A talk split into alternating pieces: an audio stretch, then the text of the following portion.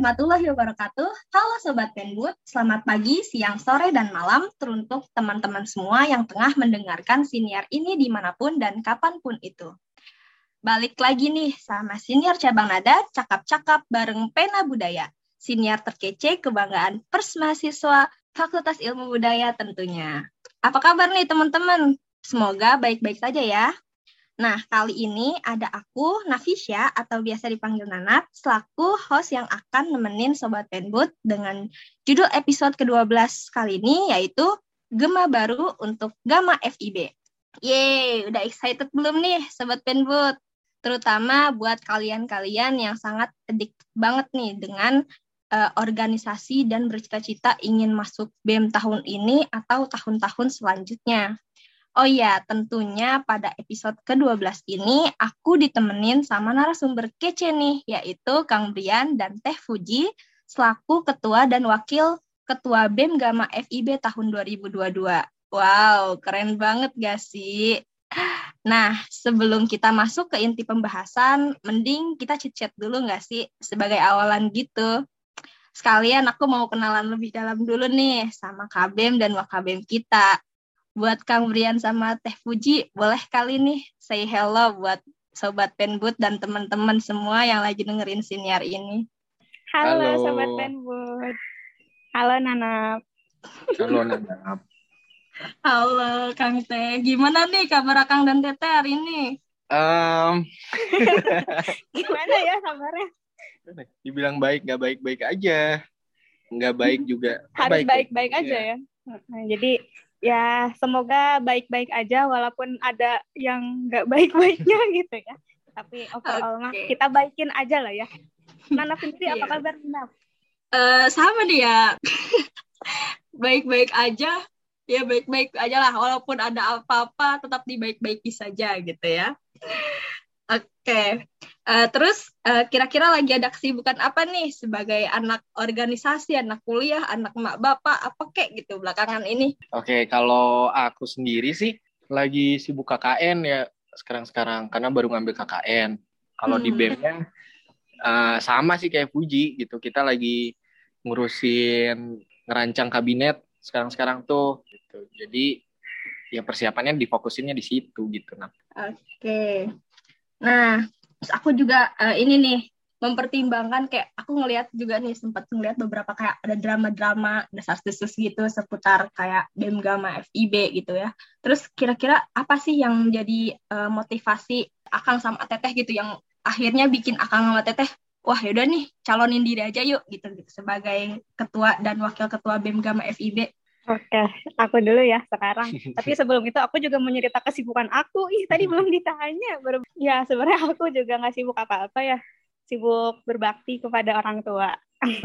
dan ngurusin BEM Gama sih, ngurusin BEM Gama FB 2022 dan ngerancang kabinet sama sih kayak Brian kesibukannya kayak gitu. Karena aku udah KKN, FYI aku udah KKN jadi agak santai ya kalau dalam hal KKN karena masih libur kuliah juga jadi belum ngurusin perkuliahan. Itu terus kalau ditanya motivasi ya, motivasi masuk Bengama tuh apa sih? Ini sedikit sedikit cerita nih teman-teman, sobat Penwood. Aku tuh uh, masuk kuliah kan tahun 2019 ya, masuk kuliah tahun 2019. Waktu itu pasti ikut Opud kan ya kalau uh, anak baru. Ikut Prabu dulu sebelumnya pasti ikut Prabu, terus di FIB-nya ikut Opud. Nah pas Opud tuh aku ngeliat ada tayangan sekolah kaderisasi. Wah, apaan tuh sekolah kaderisasi? Aku dengar dari MC-nya tuh nyebutin uh, kaderisasi lanjutan dari opera budaya. Nah, dari situ aku udah ngetek banget sekolah kaderisasi. Wah, ntar ikutan ah gitu. Dan tibalah saatnya pendaftaran sekolah kaderisasi, aku daftar dan alhamdulillahnya masuk karena waktu itu tuh animo maba 2019 masuk sekolah kaderisasi itu besar banget teman-teman sampai waktu itu juga banyak yang gak keterima gitu dan alhamdulillahnya aku jadi salah satu orang yang keterima kan terus masuk sekolah kaderisasi dan akhirnya uh, salah satu output dari sekolah kaderisasi itu adalah magang di BEM Gama waktu kabinet tahun 2019 itu waktu itu BEM Gama FIB 2019 kabinet Oto Iskandar Dinata teman-teman. Nah waktu itu aku magang tuh di sana. Nah dari sana semakin tertarik tuh sama BEM. Wah, uh, seru juga nih masuk BEM. Apalagi waktu itu juga udah kenal banyak teman-teman di sekolah kaderisasi yang uh, dari antar jurusan gitu kan ya, dari antar jurusan keren-keren juga gitu. Jadinya dari situ mikir, wah masuk BEM lagi ah tahun depannya. Hingga akhirnya masuk BEM lagi di tahun 2020, kabinetnya di Alova. Nah dari sana seru juga tuh di BEM waktu tahun 2020 walaupun waktu itu banyak banget problematika karena duar gitu kan pandemi segala hal apa pun yang udah dirancang secara luring dipaksa dialihkan menjadi daring gitu kan.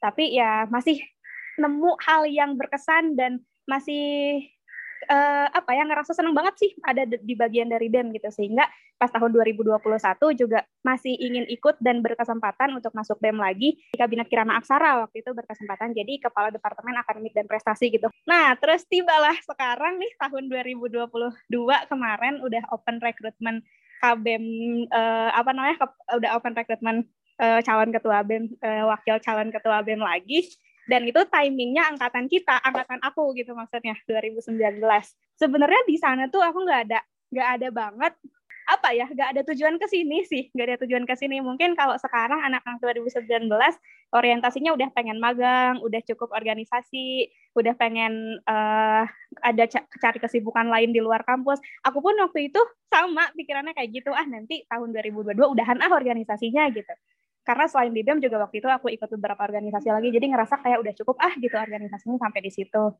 Sehingga uh, nah tapi kayak ngelihat waktu itu juga ada beberapa apa ya beberapa dinamika ya dalam pencalonan ketua BEM dan wakil ketua BEM Gama FIB 2022 yang mana aku pun juga terlibat di dalam dinamika itu sehingga akhirnya e, ngerasa bahwa waduh ini kalau kayak gini terus siapa nih yang mau ngelanjutin ditambah lagi aku dari sebelumnya udah masuk BEM udah masuk BEM udah masuk BEM terus kayak ngelihat kemarin di tahun 2022 agak sulit gitu ya menemukan uh, menemukan satu pasangan calon yang yang apa ya yang yang lanjut gitu hingga akhirnya waktu itu ditelepon nih satu malam sama orang yang namanya Brian ini nih teman-teman. Ini gitu. pas ini pas nunggu kamu sidang sengketa kan? Iya. Gitu.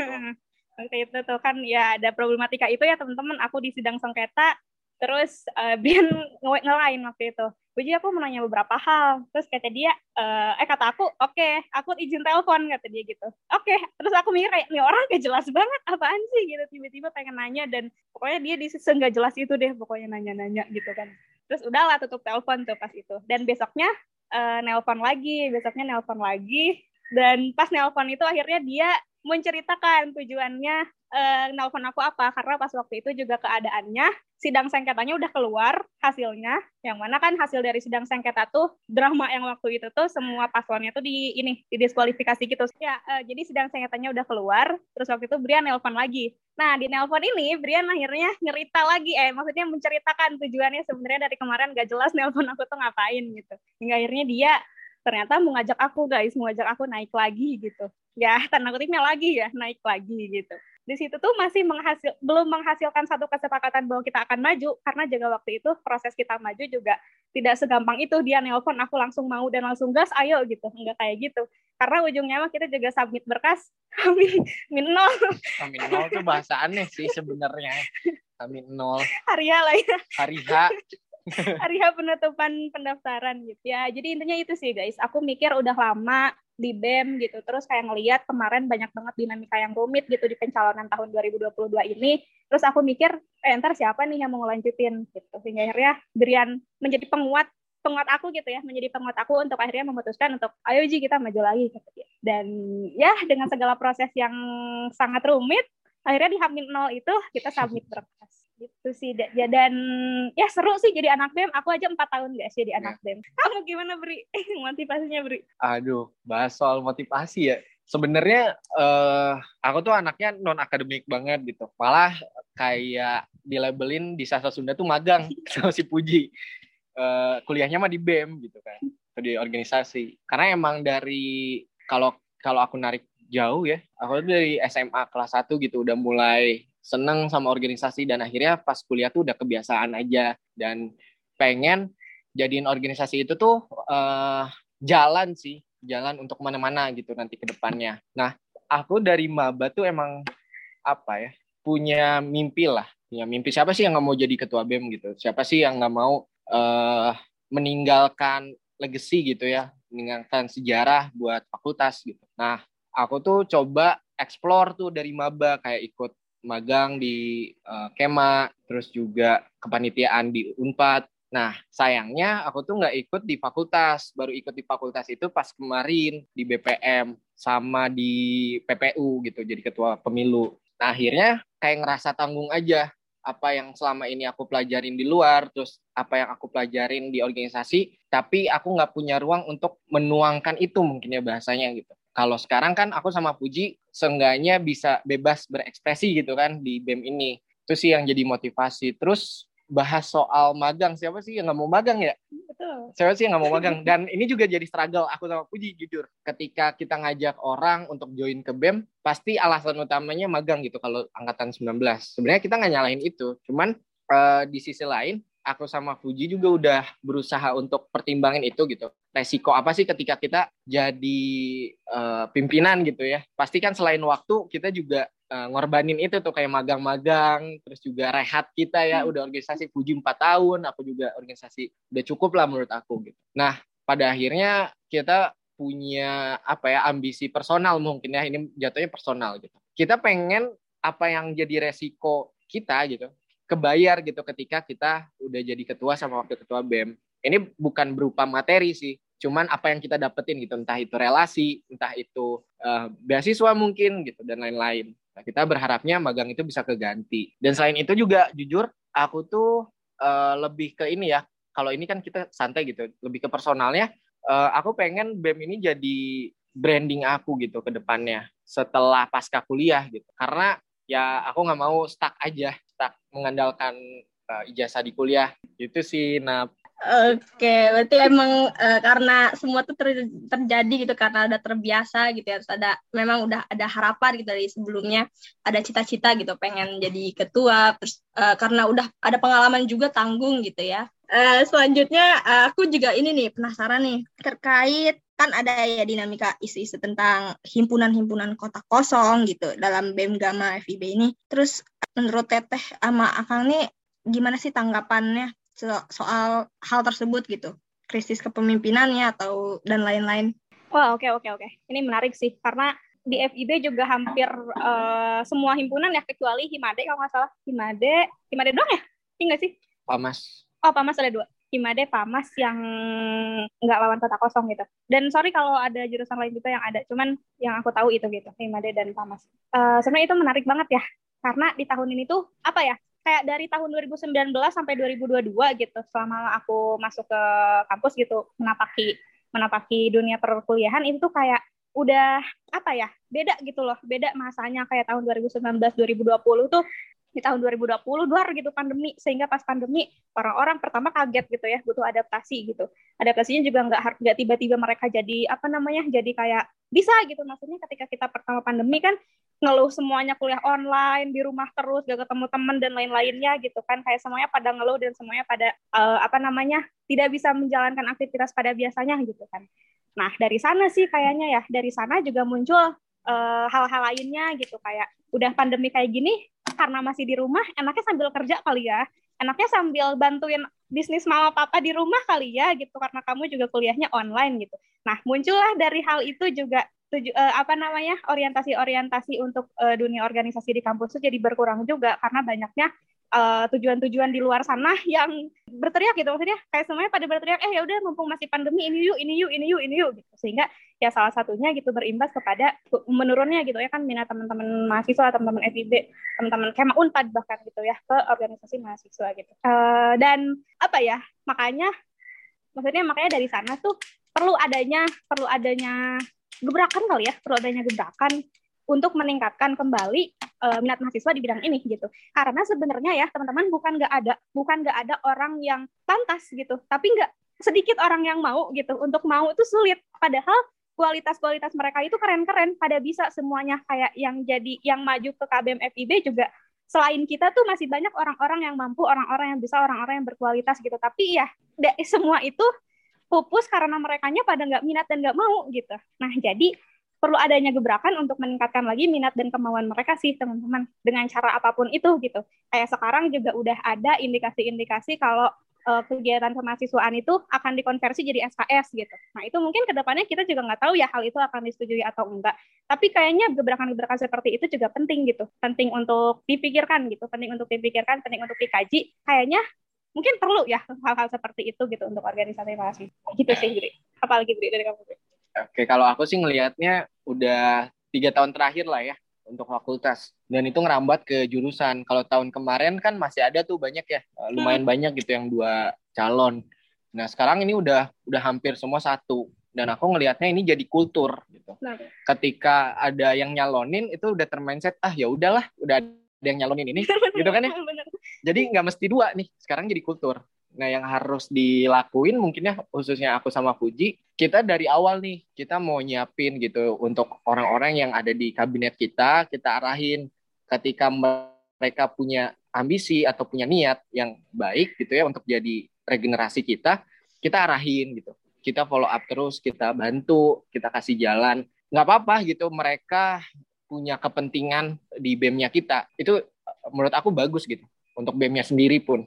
Dan yang paling penting kita bakal kasih jalan sih, uh, dimulainya ya dari awal ini gitu. Terus juga soal satu calon ini, apa ya, kalau aku ngelihat dari perspektif budaya, organisasi yang bagus itu kan yang menghasilkan regenerasi ya. Jadi kultur atau cara kerja terus juga nanti uh, aktivitas atau kegiatan di organisasinya tuh nggak ada yang berubah 100% gitu ketika dipegang sama orang yang bukan dari organisasi sebelumnya. Makanya itu juga satu alasan aku perjuangin Fuji gitu untuk jadi wakil aku. Karena aku nggak tahu kultur di BEM FIB gitu, nggak terlalu tahu sampai internalnya.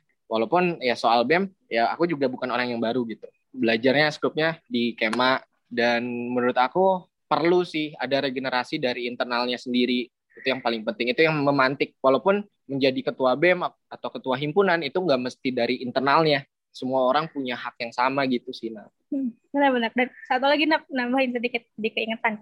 Sebenarnya juga karena ya karena sekarang kulturnya udah beda itu tadi ya. Jadi kayak mungkin tadi kalau kata Brian ah udah ada yang maju ya udahlah. Gitu. Udah aman lah ada yang maju gitu. Uh, perlu juga dorongan secara secara apa ya secara kultural gitu ya. Kalau masalah itu kan berangkatnya mungkin untuk jadi pemimpin tuh dari kaderisasi gitu kan.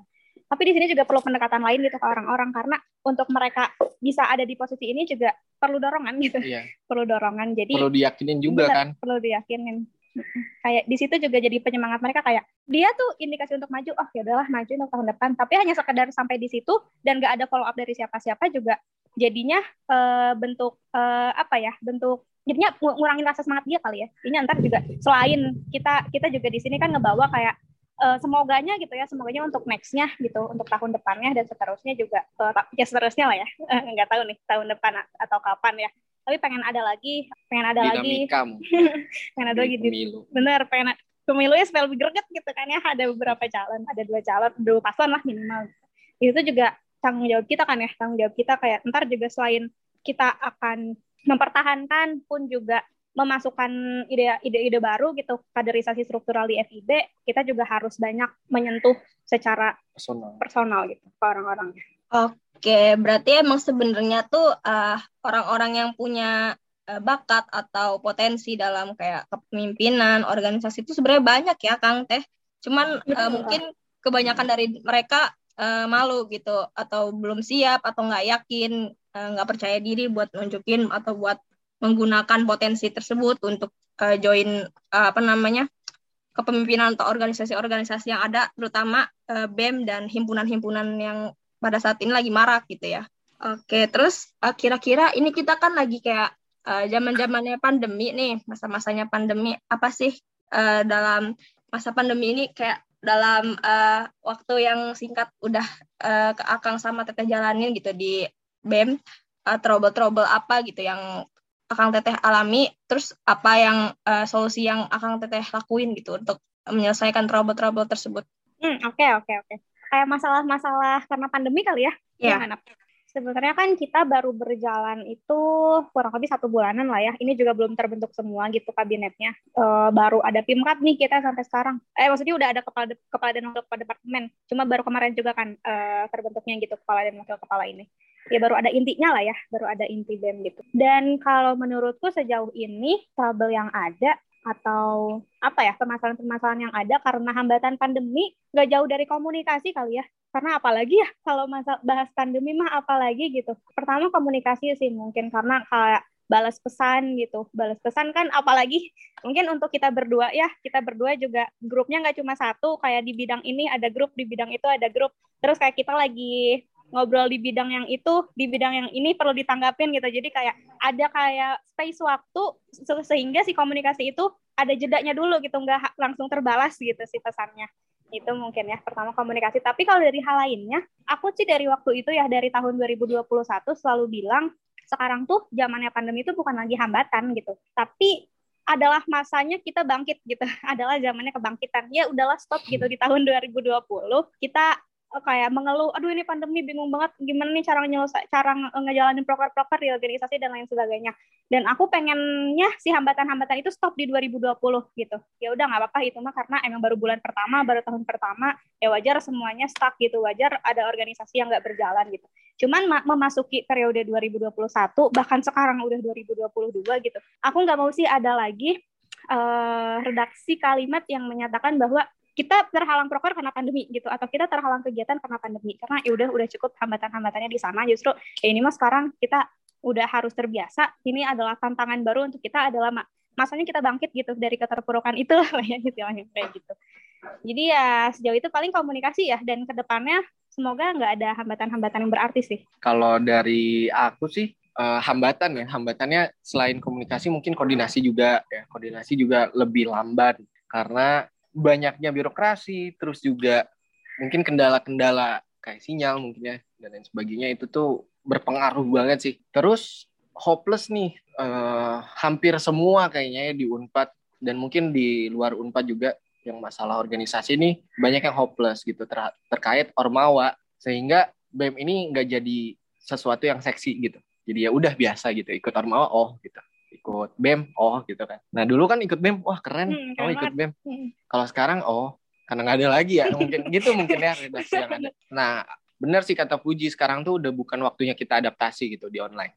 Justru waktunya kita eksplorasi ya. Gimana caranya si online ini lebih menarik daripada yang tonton sebelumnya? Itu juga jadi challenge nih buat aku sama Puji dan nanti kabinet aku gitu kabinet kita. Untuk gimana caranya menarik lagi si Ormawa ini entah itu dari prokernya, entah itu dari orang-orangnya. Jadi supaya ya ke depannya kaderisasinya, regenerasinya juga jadi bagus gitu ya. Ini juga uh, aku sedikit cerita gitu. Waktu aku jadi ketua pemilu itu kan sempat juga ya susah nyari calon waktu itu tuh. Sempat diperpanjang juga dan beberapa orang emang ada yang aku kontak gitu. Dan alasannya karena nggak jelas gitu masih nggak jelas tahun tahun ini tuh online atau offline. Nah, masuk nih ke tahun sekarang. Redaksinya tuh hampir mirip, cuman beda gitu. Kalau tahun ini karena online, karena online lagi, jadi males. Jadi serba salah juga kan. Dan belum tentu juga ketika sekarang offline, banyak juga nih. Nah, bahkan uh, jadi adaptasi lagi dari online. Bahkan jadi adaptasi lagi. Nah, itu juga satu hal yang bakal kita bawa ya, Jia. Kita karena generasi terakhir mungkin ya di FIB di Unpad angkatan 19 ini yang ngerasain offline. Terus gimana ngelihat Ormawa ini bekerja waktu offline makanya kita pengen turunin nih ke adik-adik kita. Biar nanti nggak ada lagi masa adaptasi gitu untuk offline-nya. Itu sih nah Oke, keren banget nih. Terus uh, mungkin emang iya ya apa namanya pandemi ini sih banyak ya apa namanya orang-orang jadi lebih uh, males gitu. Terus kayak uh, apa namanya buat kayak koordinasi atau komunikasi emang lumayan sulit gitu kalau nggak ketemu langsung mungkin ya terus interest Benar, uh, hmm, tertariknya juga jadi kurang gitu terhadap semua kegiatan-kegiatan yang harusnya offline gitu harus ketemu langsung jadi harus online. Oke, terus lanjut aja kali ya nih. Aku ada uh, beberapa pertanyaan yang masih penasaran juga nih terkait kayak uh, apa sih budaya atau iklim yang bakal uh, Akang Teteh bawa nih dalam kine, dalam tahun ini gitu, kepengurusan tahun ini, BEM tahun ini, proker-proker terdekat gitu yang mau dilaksanain, apa aja sih gitu kira-kira? Jadi uh, satu-satu dulu mungkin enak kayak iklim atau budaya organisasi. Nah kita yeah. sebenarnya udah merancang ya Ji ya budaya organisasi dan emang kita pengen nerapin ini sinap untuk uh, semua uh, pengurus BEM yang tahun ini gitu. Kita tuh punya budaya organisasi namanya Masagi nah tahu nggak Masagi hmm, apa? apa tuh? Masagi apa tuh Masagi bukan ini ya bukan micin. MSG masuk masuk. Nah sebenarnya Masagi itu kita ambil dari filosofi Sunda tentang upaya pendekatan kayak mencari kesempurnaan gitu. Ya walaupun nggak ada yang sempurna ya Nap ya. Kita tahu semua. Yeah. cuman kita berharapnya mencapai titik itu gitu dari budaya Masagi ini. Nah kayak gimana sih nanti uh, kalau bahasa Sundanya mah prak-prakana mah gitu kan. Gimana sih pelaksanaannya? Nah pelaksanaannya kita pengennya kita saling ngisi gitu. Saling ngisi uh, kekurangannya masing-masing sama kelebihannya masing-masing gitu. Kalau kita analogin dari sebuah kotak gitu ya persegi itu kan punya sudut sama sisi yang sama gitu ya. Ya nap? Ya nggak? Ya I. Ambil 4 cm 4 cm atasnya juga 4 cm bawahnya 4 cm nah ketika ada yang 3 cm yang 4 cm ini harus jadi 5 cm gitu biar ngelengkapin itu Nah, itu nanti yeah. berlakunya di departemen, di bidang, dan termasuk nanti aku sama Fuji, kita saling melengkapi di situ. Nah, selain itu, iya dong. Iya dong. Gak ada yang sempurna, tapi ketika kita bareng-bareng akan mencapai itu, titik itu. Ya, betul banget. Kita bareng-bareng dan saling melengkapi gitu lah ya. Nah, terus untuk, itu kan untuk apa ya, kebersamaannya mungkin ya untuk pendekatan secara emosional. Nah, kalau pendekatan secara ideologinya, kita punya uh, di Masagi ini untuk apa ya mereka mempertimbangkan sesuatu itu harus dari berbagai perspektif gitu. Walaupun kalau kita punya gagasan, aku sedikit cerita ya, agak mencok dikit. Aku dulu di organisasi paling dasar aku gitu ya, di mana aku dibina, aku tuh dikasih satu mindset yang tertanam gitu sampai sekarang dan aku pengen turunin. Kalau lu peng, lu punya gagasan yang gede gitu, lu lakuin gitu, gimana pun caranya. Kayak ibarat lu pengen ada naga di di mana ya? Di Okbud gitu ya. Pengen ada naga di Okbud sok bayangin naga aja udah gak masuk akal kan adanya naga. Kayak ya ibarat punya gagasan pengen ada naga di Okbud ya lakuin gitu. Gimana pun caranya. Kan bisa tuh naganya jadi kalau sekarang jadi virtual atau pakai properti yang ngebentuk si naga itu. Yang penting tuh si naga itu real, uh, jadi uh, realistis gitu gimana pun caranya. Termasuk nanti gagasan-gagasan yang dibentuk sama pengurus BEM tahun ini mereka harus berani untuk ngelakuin itu gitu. Jangan pesimis dulu walaupun kita nganggap ah ini kayaknya nggak masuk akal gitu. Lu pengen ada naga tapi hmm. ya lakuin aja gagasannya apa uh, kuatin lagi gitu biar itu hmm. terlaksana nah itu sih perspektif masa gitu kayak gitu untuk proker-prokernya mungkin hmm. Puji bisa jawab terus tadi apa nak selain budaya tuh uh, budaya iklim sama proker-proker sih oh, proker-proker yang akan dijalankan ke depannya iya yeah. hmm, oke okay. Sebenarnya kalau untuk program-program ya karena pertama kita kan sekarang masih ngebentuk kabinet ya, masih ngebentuk kabinet dan di awal ini sekarang kita lagi masa pencerdasan ke pertama karena baru ada intinya aja kita lagi masa pencerdasan ke teman-teman inti BEM Gama FIB 2022. Karena kita mau uh, maksudnya apa ya? kadang di satu organisasi itu kita ketua dan wakilnya misalkan buat visi misi gitu buat program-program ke depannya ngapain tapi kadang gitu di pertengahan jalan hal itu kadang suka dilupain juga gitu ya. Hmm. uh, nah jadinya kita pengen di awal ini uh, menanamkan apa yang mau kita bawa dulu ke semua teman-teman inti sehingga kita punya arah yang sama tujuan yang sama perspektif yang sama uh, mereka paham ter terkait visi misi kita uh, budaya organisasi kita tuh nanti cara ngerealisasinya kayak gimana dan lain-lainnya gitu. Jadi sekarang kita lagi masa itu. Kita pengen menanamkan akar yang kuat sehingga memang ya grand design kita yang kita bawa menjadi uh, hal fundamental gitu untuk arah gerak uh, BMGAM FIB 2022 ke depannya gitu. Nah, uh, kalau untuk program-program unggulan kita ya ada ya, kita juga bawa program-program unggulan kita. Namun di, di luar itu setelah masa pembentukan ini pastinya nanti juga akan banyak diskusi gitu kalau untuk program-program masing-masing departemen secara konkretnya gitu nanti bakal ngapain aja. Yang pasti itu dulu sih sekarang kita lagi nanamin dulu akar yang kuat kepada teman-teman inti BEM Gama FB 2022 untuk nanti juga program-program yang dijalankan itu berlandaskan dari hal itu juga akan kepentingan bersama gitu. Gak hanya oh tahun lalu ada ini tahun ini juga harus ada ini nih gitu. Ini misalnya gini kayak eh tahun ini ada ini lagi dong karena tahun lalu juga ada itu gitu nah hal kayak gitu nggak akan masuk nih di kita. Kalau cuma dengan alasan karena tahun lalu ada hal itu dan tahun ini harus ada lagi itu alasan yang sangat tidak masuk akal. Karena tadi juga kita harus berpikirnya konstruktif gitu dari berbagai sisi dan sudut pandang. Uh, harus harus dipertanggungjawabkan lah kenapa dia bawa program itu di tahun ini lagi gitu atau bawa program inovasi yang lainnya gitu karena ya kalau untuk program-program departemennya secara spesifik belum ke sana gitu. Masih awal pembentukan uh, akarnya dulu gitu. Center cabangnya gampang lah kalau akarnya udah kuat ya. Kalau untuk program kerja unggulan kita kali ya yang aku sama Brian bawa ini juga nanti kan pastinya akan diarahkan ke departemen-departemen terkait ya tentang program kerja unggulan kita ini. Yang pertama soal penanganan kekerasan seksual di Fakultas Ilmu Budaya. Panduan maksudnya, panduan penanganan kekerasan seksual di Fakultas Ilmu Budaya.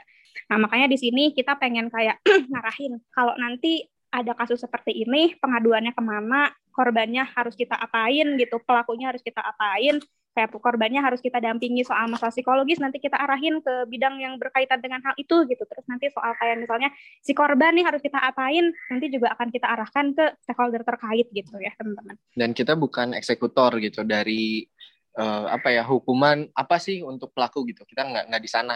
Benar kita di sini hmm. cuma fasilitator gitu ya supaya uh, di FIB nih kalau ada kasus-kasus seperti itu entah korbannya langsung yang mau melapor atau teman dari korban atau siapa pun yang tahu mereka punya arah yang jelas harus ngadu ke mana gitu. Sehingga nggak ada lagi korban takut melapor lah karena, karena kalau melapor entah takut apa takut apa itu semoga ya semoga nggak ada lagi hal-hal kayak gitu gitu.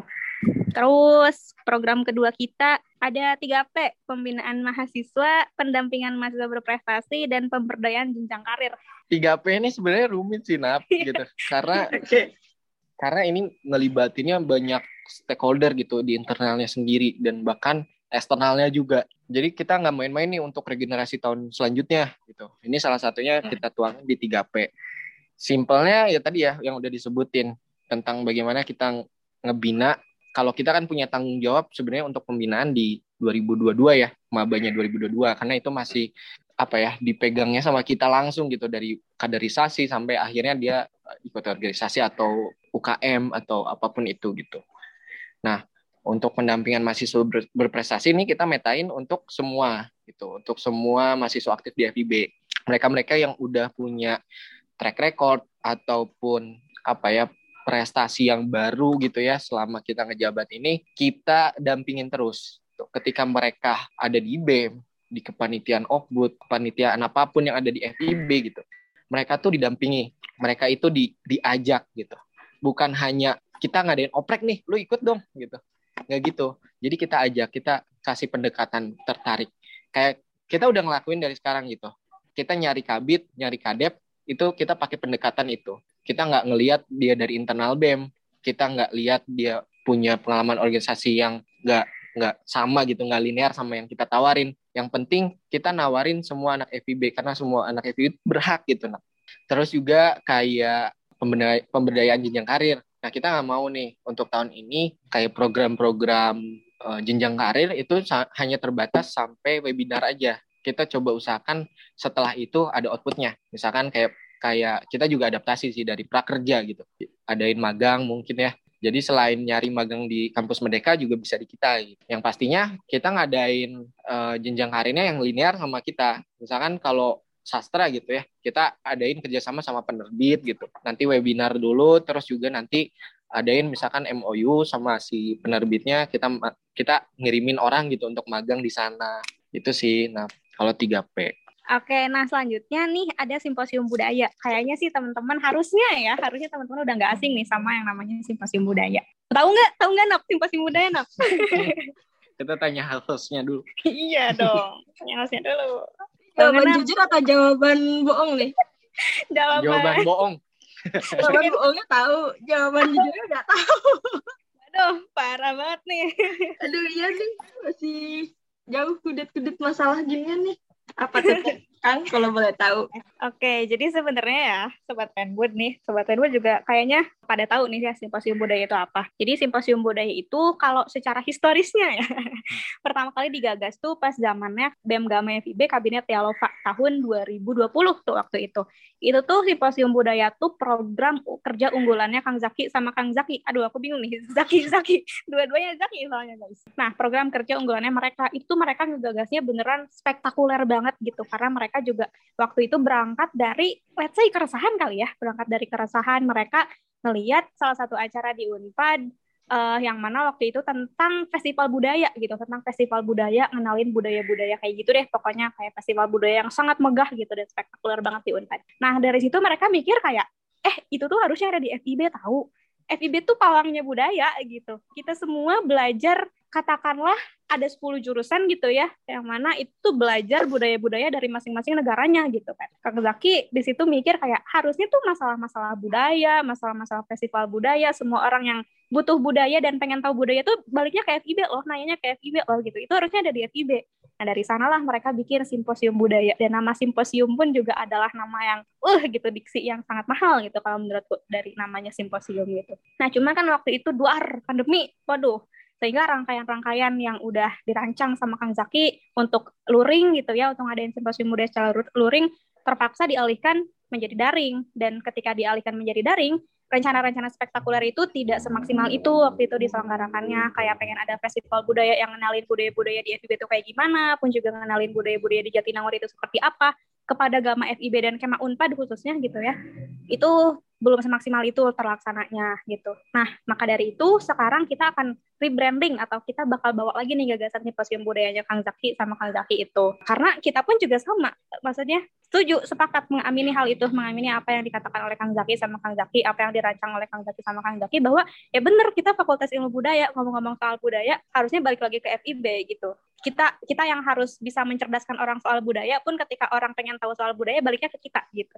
Kayak ketika orang-orang bingung soal kebudayaan, soal sejarah, soal apa. Eh itu tuh ke FIB tuh mereka paling jago loh di situ. Nah pengen tuh ada kayak orang bisa nyebut itu gitu buat FIB gitu guys. Terus kalau soal itu itu secara apa ya? Secara tujuan yang besarnya gitu, tujuan umumnya kalau secara entar pelaksanaannya kayak gimana itu ya fokusnya nanti di bidang keilmuan, di bidang keilmuan terus juga uh, nanti bakal banyak ngebawa soal budaya pastinya sastra gitu kan ya. Nanti juga akan berupa rangkaian simposium budaya ini yang mana rangkaiannya nanti ya pokoknya akan berupa festival budaya. Lah pokoknya intinya ya teman-teman dan semoga aja doakan acara ini juga akan kita gagal secara hibrid ya bahasa Indonesia.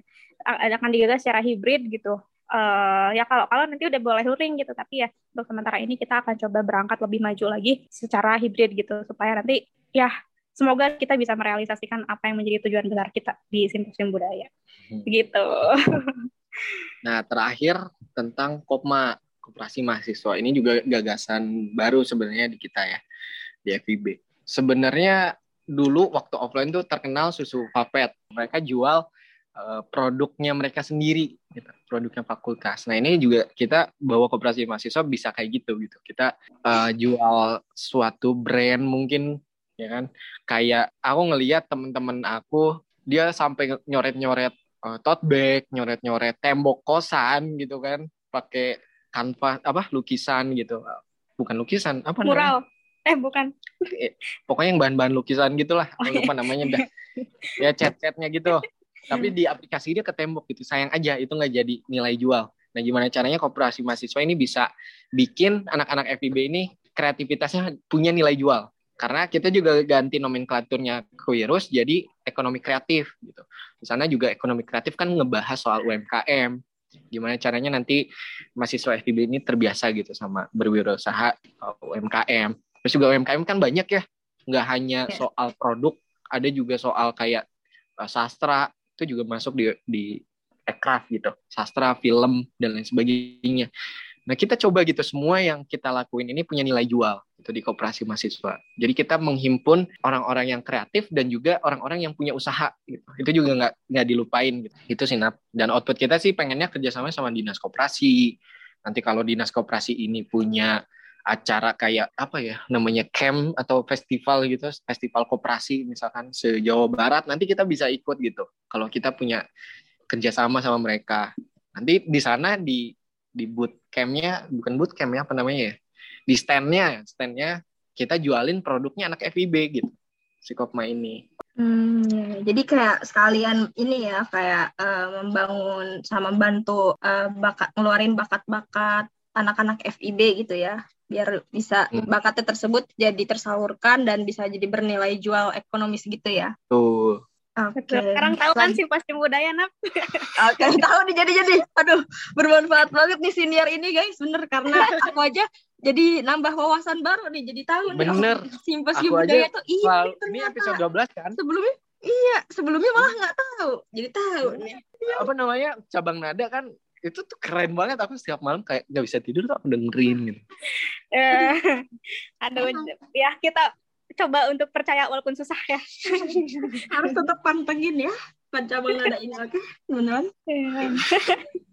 Selanjutnya ada lagi nggak Teteh? Kang? Udah tuh empat. Udah. Juga dari program-program unggulan kita akan diturunkan ke departemen-departemen terkait ya. Di samping nanti departemen-departemen terkait, eh ya departemen-departemen di BEM Gama juga punya programnya masing-masing. Paling tambahan dikit ya. Eh, kita bikin program unggulan ini kita bikin fondasi yang paling penting tuh. Kita pengen ini itu berkelanjutan ke depannya. Jadi nggak cuman ada di BEM 2022 udah selesai gitu. Kita pengen berkelanjutan gitu sih. Nah, ketika emang Popma misalkan di tahun ini nggak se eh, megah itu gitu sesuai apa yang kita ekspektasikan tapi kan kita berharap ke sana gitu. Eh, ya udah kita bangun fondasinya dulu yang paling penting karena itu baru Oke. Ini kayaknya eh, waktunya juga udah mulai nipis nih. Kita langsung masuk aja kali ya ke sesi berikutnya. Sebelum penutupan, aku pengen ngadain sesi disordered nih ke Kang sama Teteh. Tapi nanti jawabnya jawab cepat aja ya, jawab cepat terus kalau kalau sempet gitu, kalau bisa kasih alasan singkat gitu kenapa pilih jawaban itu. Gimana? Udah siap belum nih Teh? Kang? Siap-siap. Nanti jawabnya bareng apa gantian? Gantian deh. Nanti misalnya Teh Fuji apa, Kang Miran apa. Oke, siap-siap. Langsung kita mulai ya. Oke, yang pertama, kuliah offline atau kuliah online? Kepada Teh Puji, apa nih? Kuliah kuliahnya on, kuliahnya offline, UAS sama UTS-nya eh, online. Online. Bisa. Hybrid ya, Tapi berarti kuliah lebih. offline deh. Tapi sekarang kuliah offline deh karena tahun terakhir di kampus pengen kuliah offline lagi. Oke, kenapa tuh alasannya? Oh, itu ya udah. Iya. Kalau Kang Brian apa nih? aku kuliah offline Offline, pastinya ya. Oke, yang kedua, jadi pintar atau jadi baik? Aku jadi baik deh karena kalau kita baik kita bisa pinter, tapi yang pinter belum tentu baik. Oke, kalau Kang Brian, jadi kaya Oh, lah ya. Kang. aku jadi baik karena aku nggak Oke. pintar Oh, ini jawaban realnya. Baik lebih utama ya daripada pintar. Pintar belum tentu baik, baik bisa jadi pintar. Asik. Oh, wow. karena yang penting tuh cerdas sih Iya. Iya benar. Yang ketiga nih, idealis atau realistis? idealis atau realistis idealis Iya. kalau aku mindset aku tuh kita eh, gagasan dulu yang paling penting tuh Aku juga idealis. Idealis. Uh, Sama alasannya teh. Eh, alasannya sih pertama bentar aku idealis karena pertama pengen banget ngusahain dulu semaksimal mungkin dan pastinya kita, ketika kita punya aduh ini jadi agak serius nih. Ketika kita punya misalnya punya cita-cita punya apa punya apa pengen kejar semaksimal mungkinnya dulu. Dan setelah kita juga pasti tahu batas kita sampai mana. Setelah kita udah nyoba semaksimal itu tapi ternyata masih belum ya udah realistis gitu. Jadi idealis dulu usahain idealis dulu. Ya, berharap bermimpi dulu aja gitu ya teh ya Kang. Oke, yang keempat, buku atau film? Aku film Film. Kenapa tuh? aku anak sastra yang nggak suka baca Iya, benar juga ya. Kalau Teh Fuji apa nih? aku aduh apa ya buku sih sulit ya. Brian yang jawab itu. Sebenarnya buku, tapi film juga suka sih. Dua-duanya ya teh. Ya 50-50 ya, 50-50 lah. Oke. Yang kelima, musik atau podcast? Podcast dong, cabang nada, podcast Podcast terbaik iya. sepanjang masa ya, Bri. Benar. Tuh. Emang ada Ini jawaban beneran apa jawaban sepik-sepik nih? Beneran.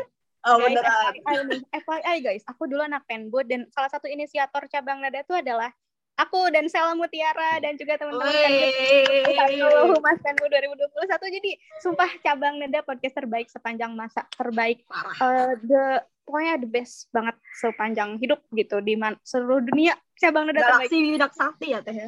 bener cabang nada nggak ada lawan Kalau Kang Brian apa nih? Musik atau aku podcast Oh, podcast juga. dong cabang Oh, iya. nada karena cabang nada yang ngundang aku Mantap. Eh, Oke, yang keenam. Pilih me time atau quality time. eh me time tuh quality time juga kan? Ya, mungkin kalau quality bedanya bareng teman-teman, bareng Oh. orang lain. sendiri gitu ya? Nah, dua-duanya suka sih sebenarnya. Tergantung kondisi kalau aku. Oke, kalau Teh Fuji apa nih? kalau aku sebenarnya kalau quality time tergantung dulu quality time-nya sama siapa. Tapi ya itu ya pertama kalau dua-duanya juga. Tapi pertama kalau quality time tergantung juga quality time-nya sama siapa tapi kebanyakannya mungkin me time ya kalau sekarang-sekarang karena aku kayaknya sedikit mempunyai sahabat gitu. Kalau quality time tergantung ya quality time sama siapa. Cuman kebanyakan yang seringnya me time sih. Dan me time itu ujung-ujungnya juga overthinking sih. ya. Oke. Gitulah kehidupan, itulah kehidupan. Gitulah hidup ya, emang harus tetap dijalani. Oke, yang ketujuh nih yang terakhir. Pilih horor atau drama? Oh, drama. Drama. Uh, penggemar drakor ya? Ya. Wih, mantap. apa nih? Drakor favoritnya apa nih? Tapi aku terakhir nonton drakor tuh Nevertheless. Eh, Sama sih aku juga. Karena Soalnya belum ada waktu. Tuh terbaru suka, emang suka disama-samain sama kayak Songkang katanya aku tuh males gitu kan. Apaan sih gitu aku. Jangan-jangan kamu dia ini nih ada tato kupu-kupu juga nih. Ada cuman kelabang. Gila dia. Kan kamu juga manggil aku Kang Brian tuh, Songkang. Ya kan? Eh, kalau Teh Puji apa nih? Kalau aku 50-50 sih. Drama, suka. Tapi horor deh, biar menantang. Karena Brian Uh, adalah seorang ya. yang penakut. Dan aku adalah seorang yang pemberani. Oh, Horor. iya. saling melengkapi banget ya emang. Fakta unik ini mah, fakta unik dari aku. Fakta, fakta unik. Wow. Wow, fakta. Jadi horor ya. Oke. Ini karena eh disordered pertanyaannya sudah habis, sobat penbut dan teman-teman semua yang eh, masih setia nungguin dan dengerin siniar ini sampai habis gitu ya. Eh, aku mau ngucapin terima kasih banyak nih kepada teman-teman yang udah dengerin eh, entah dari awal episode gitu sampai episode ke-12 ini gitu. Dari awal sampai akhir. Terus semoga eh, dengan adanya episode kali ini dan episode-episode sebelumnya bisa membantu teman-teman dalam menambah wawasan, mengunggah rasa peduli dan minat teman-teman dalam terutama dalam episode kali ini ya, bisa dalam hal berorganisasi atau dunia kepemimpinan serta pastinya dapat menemani teman-teman semua nih di saat gabut atau eh, sibuk melakukan kegiatan apa pun gitu ya. Jadi nggak merasa kesepian atau sendiri gitu. Oke, terus terima kasih juga nih terutama buat eh, narasumber kece kita, Kang Brian dan Teh Fuji selaku ketua dan wakil ketua BEM FIB tahun 2022 ini yang udah menyempatkan diri untuk hadir sebagai narasumber pada siniar cabang nada episode ke-12 kali ini. Yeay, tepuk tangan dulu dong buat narasumber kita. Seru banget nih pembicaraan dan topiknya. Sayangnya harus kita sudahi dulu nih sampai sini ya Sobat Penbut. Buat Kang Brian dan Refuji, ada nggak nih apa namanya eh, sampaian apa saran-saran atau kesan-pesan atau eh, harapan-harapan gitu untuk BEM Gama FIB Oke, aku juga ucapkan terima kasih banyak banget ke teman-teman Pena Budaya 2022 udah mengundang kami, udah mengundang aku sama Brian ke cabang nada cakap-cakap bareng Pena Budaya. Eh seneng banget, jujur seneng banget diundang di cabang nada, apalagi sebagai narasumber eh, perdana di 2022 ya. Semoga, semoga, semoga obrolan kita tadi walaupun ada yang nggak jelasnya gitu, semoga menghibur. Jadi podcast komedi deh. pastinya. Iya, terima kasih banyak pokoknya teman-teman. Ya, kalau perkata penutup dari aku gitu ya, karena ini udah penutup. Terima kasih untuk teman-teman semua, untuk Gama FIB gitu. Semoga bisa membersamai kami di kepengurusan dan Gama FIB UNPA 2022 dalam hal apa pun ya, dalam hal apa pun, dalam hal kritik, saran, masukan gitu. Pun juga join bersama kami di kepengurusan itu juga sangat sangat kita harapkan gitu dari Gama FIB semuanya. Karena ngomong-ngomong soal kritik gitu ya, ngomong-ngomong soal kritik, teman-teman juga bebas nanti mau ngasih pandangan apa pun itu ke kita, baik teman-teman nanti join di internal pun enggak gitu. Karena kita selalu percaya bentuk cinta itu banyak banget teman-teman dan salah satu bentuk mencintai itu adalah kritik. Gitu. Uh, pokoknya uh, dukung kita dan doain kita semoga kepengurusan BEM Gama FIB 2022 lancar-lancar ya. Amin. Pastinya Tuh, pasti nggak kerasa Iya. nanti kita Desember 2022 dan kita DMIS. Tapi ya sekarang kita sedang merancang gitu. Semoga apa yang kita harapkan, apa yang teman-teman harapkan juga bisa coba kita realisasikan bareng-bareng. Eh, terus juga buat teman-teman BEM Gama FIB 2022 yang sekarang udah udah ada gitu khususnya teman-teman inti gitu teman-teman Pimkab, teman-teman Kadep Wakadep, Kabir Wakabir semangat selalu semangat. Kita sekarang baru awal perjalanan kita masih panjang. Semoga kita selalu bersama semoga kita bisa masagi gitu ya. Semoga kita masagi bisa saling melengkapi. Dan juga semua teman-teman kadep kadep. Dan nanti nextnya staff gitu. Semoga kita selalu semangat dan bisa bisa merealisasikan segala kebaikan di tahun ini. Terus sebentar lagi kita bakalan buka pendaftaran nih buat staf Gama FB 2022. Jadi nantikan terus, nantikan terus informasinya dan mari bergabung bersama kami. Mari kita bersenang-senang, mari kita uh, enjoy dan asik di Gama FB 2022. Mari kita cari apa ya? Cari segala hal yang bikin kita seneng deh di Gama FB 2022 karena kita juga nggak kayak serius-serius amat ataupun kita juga nggak kayak kaku-kaku banget gitu ya. Jadi mari kita gabung di BEM Gama FB 2022. Mari kita apa ya? Mari kita bangun bangun kebersamaan dan kebahagiaan gitu ya BEM Gama FB 2022. Nanti kita kumpulin jokes-jokes receh di BEM Gama, guys. Mari gabung, mari join siapa pun itu dari angkatan 2019 sampai 2021 gitu. Setelah dari aku, guys. Oke, itu guys kalau nanti mau daftar ya guys, jangan lupa pantengin IG IG BEM kita gitu ya, BEM FIB. Iya, betul.